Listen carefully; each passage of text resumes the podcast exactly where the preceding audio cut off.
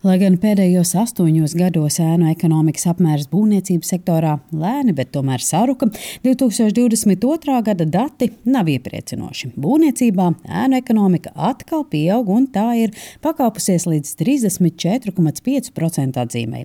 Salīdzinājumam vidēji valstī pērn ēnu ekonomikas apmērs bija 26,5% no iekšzemes koprodukta. Tā liecina ikgadējā Rīgas ekonomikas augstskolas pētījuma dati.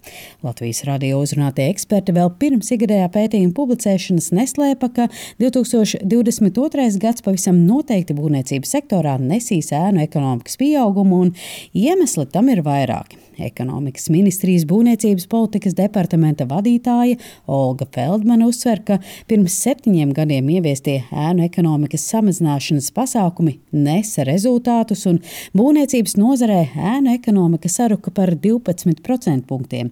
Tiesa pēdējo divu gadu rādītāji atkal ir ar augšupējošu tendenci. Protams, ka Krievijas militārā agresija padarīja nozares darbības apstākļus tik turbulentus, kad mēs skaidri apzināmies, ka tas var veicināt ēnu ekonomikas pieaugumu, jo faktiski tas sadārdzinājums, kas ir bijis, ir bijis ļoti strauji un ļoti liels. Tas varēja izraisīt ēnu ekonomikas pieaugumu uzņēmumos, kas nespēja nodrošināt finanšu resursus pietiekamu sadārdzinājumu absorbēšanai, un attiecīgi viņi meklēja risinājumus ne tikai legāli, kā piemēram pieejami kredītresursi, bet arī daļēji uz no ekonomikas rēķina. Latvijas būvniecēju partnerības vadītājs Gins Miķelsons atzīst, ka pēdējie divi gadi nozarei bijuši izaicinoši. Gan pandēmijas ietekme, gan Ukrainas kara izraisītais cenu pieaugums. Ja mēs redzam, ka tā kopējā aploksņa auga līmenis ir ļoti augsts. Ja, 50% vidēji ja, ir tādi nodarbinātie, kuri saņem uh, zem šiem 780 eiro. Šādu minimālo algu noteica būvniecības nozares ģenerālvienošanās. Tomēr Miķelsons mudina aploksņu augu jautājumu skatīt pa segmentiem. Kāda ir situācija lielajos, vidējos un mazajos būvniecības uzņēmumos? Ir lielie komersanti, lielie objekti, tur tas rādītājs ir kaut kādi 15%, tad ir uh, vidējie komersanti, vidēji objekti, tur tas rādītājs ir ap 25%, un tad ir mazie uzņēmēji, mazie, tā teikt, privātie objekti un tam līdzīgi, ja tur tas rādītājs ir 50, 60. Tas nozīmē, ka lielākais ēnu ekonomikas apmērs ir tieši privātajā sektorā. Miķelsons stāsta, ka būvniecības nozare līdz ar inflāciju pēdējā gadā piedzīvojusi vērā ņēmumu cenu pieaugumu pat par 30%. Ko tas nozīmē? Ka jebkurš ēkas pasūtītājs, vai tā ir privāta persona vai mazs komersants, vai arī varbūt arī valsts pārvalde. Nu, faktiski nu, pie tāda cenu kāpuma jautājums ir, kā 30% samazināt izmaksas, ja, lai, lai uzbūvētu to, kas bija ieplānots uzbūvēt. Man nav, protams, atbilde, cik daudz nu, to ēnu ekonomiku ietekmē precīzi pasūtītāji, cik daudz piegādātāji. Nu, es droši vien, ka minējuši, tas varētu būt puses pusi, ja, bet nu, skaidrs, ka abas puses ir ieinteresētas, lai to būvniecību turpinātu un atrastu veidus, kā kaut ko varētu ietaupīt. Un to apzinās ne tikai nozarē, bet arī ekonomikas ministrijā, kas finanšu ministrijai iesniegus priekšlikumus ēnu ekonomikas mazināšanai. Tie ir vairāk, un tajos liela vērība pievērsta segmentācijai, proti, ka ne visi rīki der vienlīdz labi kā lielajiem būvniekiem, tā privātpersonām, kas darbojas būvniecības jomā. Tāpat ekonomikas ministrijai ir padomā plāns, kā mudināt pasūtītāju maksāt nodokļus nevis meklēt veidu, kā uzbūvēt lētāk.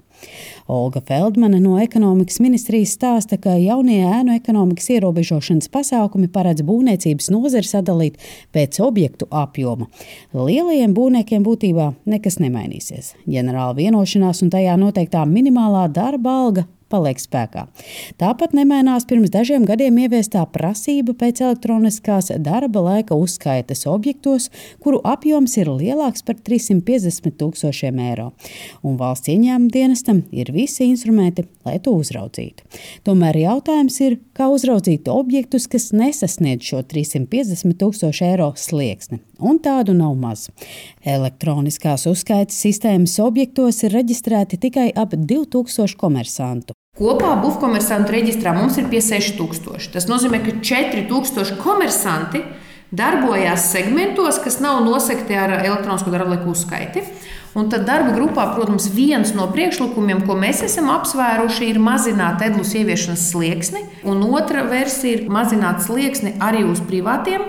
Piemēram, sākot no 170 tūkstoši. Nu, principā samazināt vēl uz pusi to slieksni, mēģinot pēc iespējas vairāk uzņēmumus vai objektus nosegt ar jau iepriekš ieviestiem pasākumiem. Nākamā kategorija ir objekti, kurus var būvēt saimnieciskā kārtā. Proti, jebkurš cilvēks drīkst pats būvēt savu māju. Pašreizējais regulējums pieļauj, ka būvniecības apjoms privātmājā ir samērā liels, apbūves laukums var būt līdz 400 km2. Ekonomikas ministrija šo apjomu, kuru privātpersona drīkst būvēt saviem spēkiem, iecerējusi mazināt uz pusi. Un otrs ierosinājums ir, ka privātmāju būvniecībai strādniekus piesaistīt drīkst, bet tie jāreģistrē būvniecības informācijas sistēmā. Skaidrs, ka viens no lielākajiem ēnu ekonomikas apjomiem ir, ir privāta māju būvniecībā, kur mēs redzam, ka darbojas nu, ne jau pats cilvēks būvē, bet viņam nāk brigādes, kas atbalsta viņu, palīdz. Mēs redzam šos objektus. Viņi vienalga ir būvniecības informācijas sistēmā. Varam redzēt arī nu, to pašu īpašnieku, kas apgalvo, ka viņš to dara saviem spēkiem.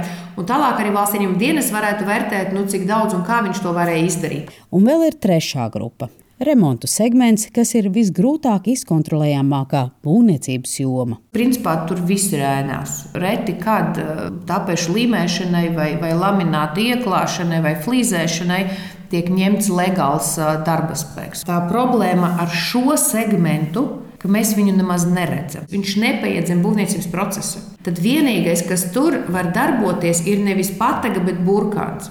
Un tad ekonomikas ministrija arī valdības rīcības plānā bija iekļāvusi vienu pasākumu, kas bija iedzīvotāju ienākuma nodokļa atlaides par legāli piesaistīto darba spēku.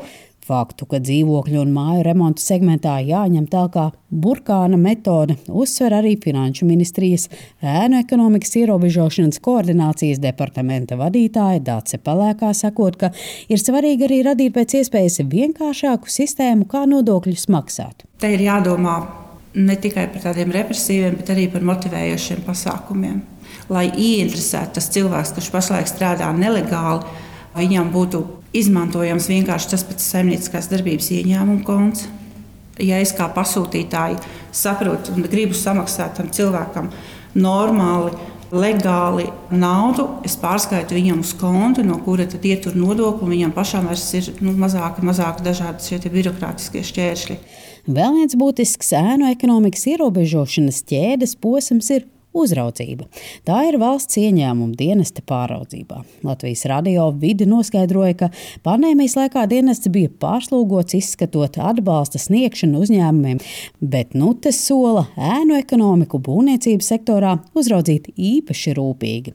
Vidu uzsver, ka uzraudzības sistēmas jauda un iespējas to īstenot ir pietiekamas. Savukārt lielāka skaidrība par to, kuri no ekonomikas ministrijas priekšlikumiem patiesi tiks ieviesti dzīvē, būs vasaras vidū, jo Finanšu ministrija līdz 31. jūlijam sola sagatavot kopīgu ēnu ekonomikas ierobežošanas plānu ne tikai būvniecības sektorā, bet arī mazumtirdzniecībā un veselības jomā, un tad šis dokuments nonāks valdības dienas kārtībā. Linda Zalāne, Latvijas radio.